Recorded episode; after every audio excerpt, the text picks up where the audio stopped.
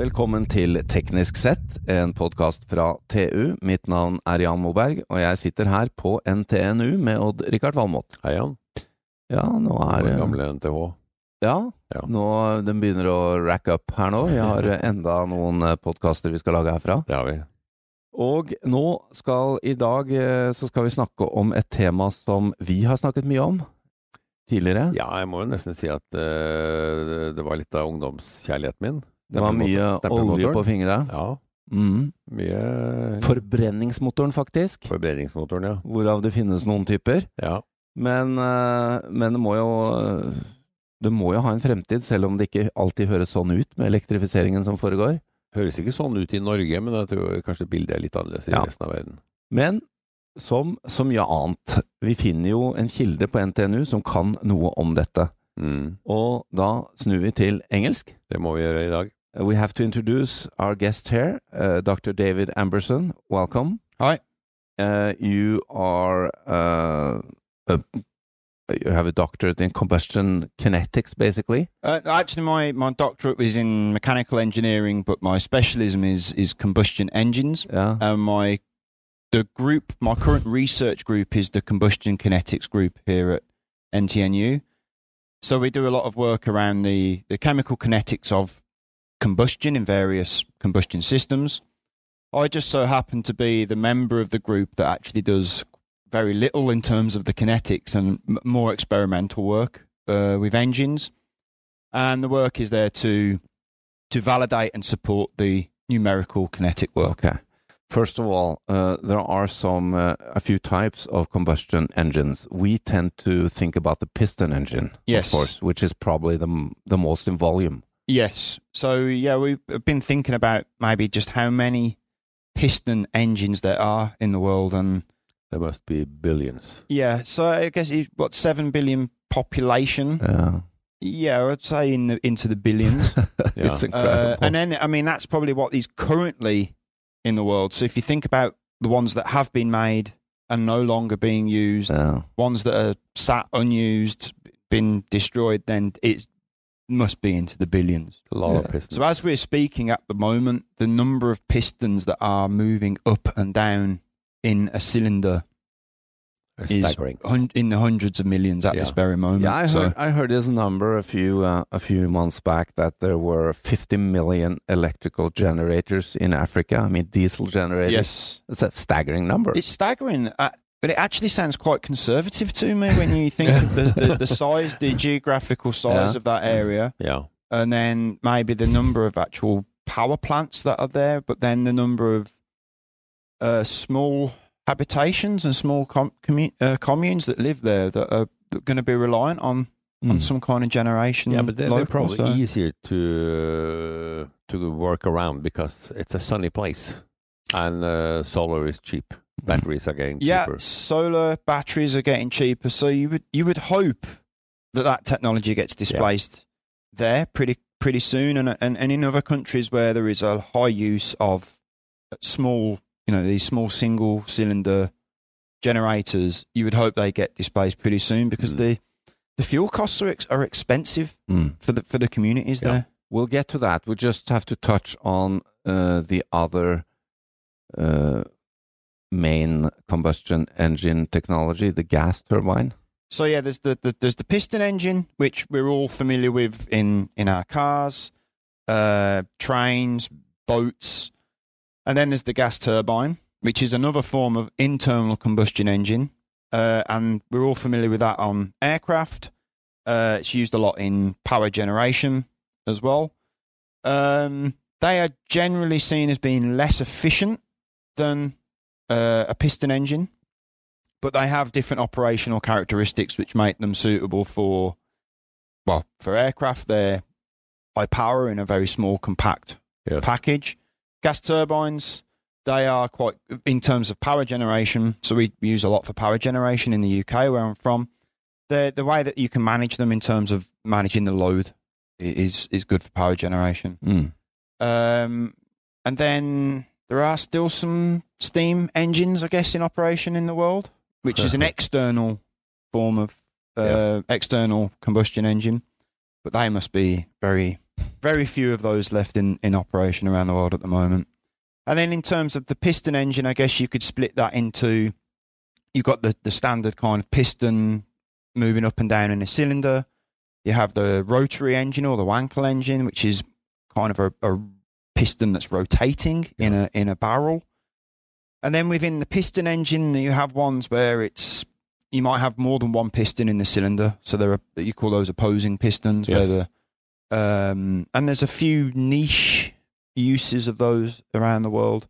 There's always seems to be a new engine architecture or Yeah. geometry or idea that seems to be some small specialist company pushing somewhere, uh, and it always, you know, they might get taken up by a military operation, a military application or something like that, but then they never really break into the mainstream.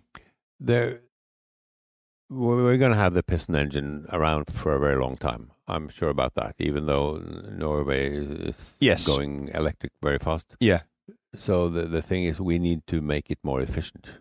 There's uh, Yeah, well, There's a lot we need to, be- make it more efficient, and also, I think there's there's another side to it as well, which I guess touches on what with the solar side of things as well. Is efficiency may not just be the only thing that's the goal. We've we've really got to tackle the emissions. It, there's no point in having a really really efficient engine if the we're still pumping out a lot of harmful emissions. yeah. I think we could accept a lower efficiency if we can completely Yeah. have get clean the emissions up. So I, I mean, I remember when I was studying my master's degree, my uh, one of my lecturers saying that it, this is what was done with the solar a little that the Europeans really pushed for efficiency, trying to get the efficiency of solar panels up, Yes. whereas the Chinese view was let's just bring the price of producing them Mm. down. So the efficiency never really went up, but the price dramatically dropped, Yes.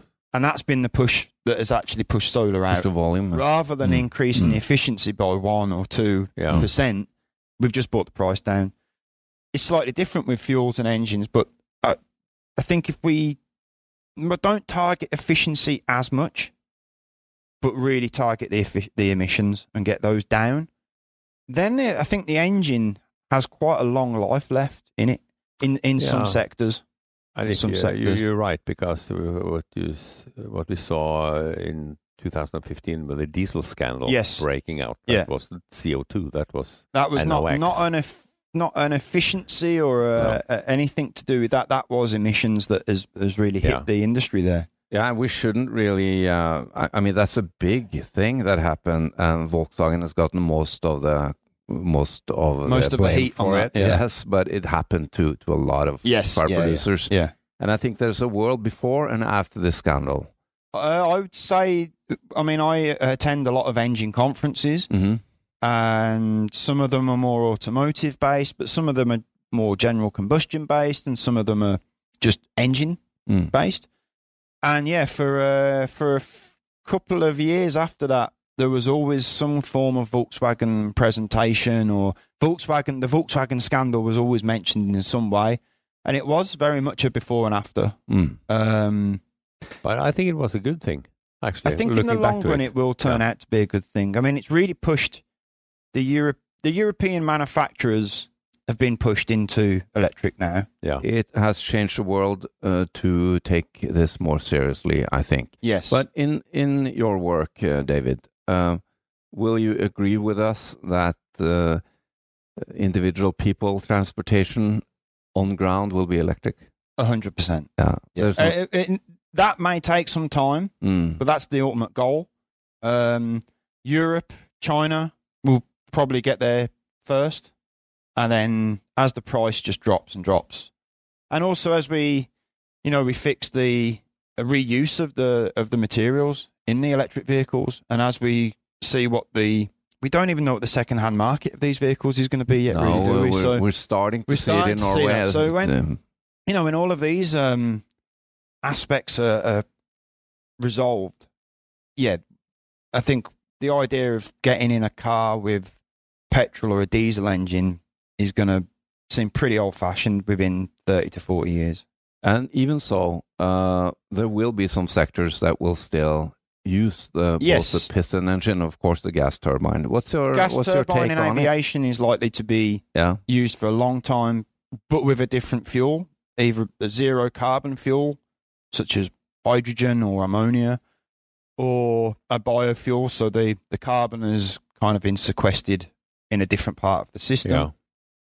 That would make sense to me in terms to, for aviation um, to carry on using the gas turbine technology because it, it's so reliable, and that's quite important in in Yeah, you aviation. don't, you don't test the newest uh, Yeah, we, we, on the wings, maybe. we we know that they work, and um, we, the whole industry is based around the, the gas turbine. But you, you talked about biofuels there before before this recording, and uh, that should make sense for aviation. I think so. Because Yeah. then you can use what's already there. yeah, we just need to get the quality of the fuels correct Mm. for the aviation market. You know, the the the rules on the fuel that can go on an aircraft are pretty strict.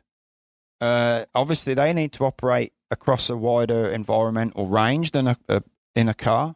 You know, if you sell a, a diesel for a, a vehicle in Siberia and then one in Spain, they're slightly different because of the climatic conditions. Whereas aviation fuel obviously is different from in different climates, but the aircraft goes from the ground to Yeah. so many thousand feet, feet. So it needs to be the fuel needs to operate across that that Mm. range, and that's something that's been trying to be addressed with with biofuels.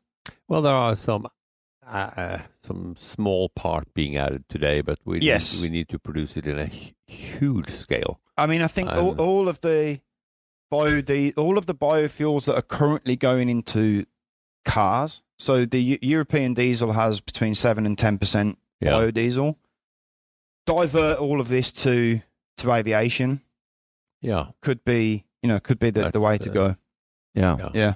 that would uh, that would probably make some uh, some international regulations um, necessary. I, I think. Yes. But that, that that is easier done in the aviation industry Yeah, than many of the other industries. So Um, we we have to ask you, David. wi- What's the future of uh, the big piston diesel engines?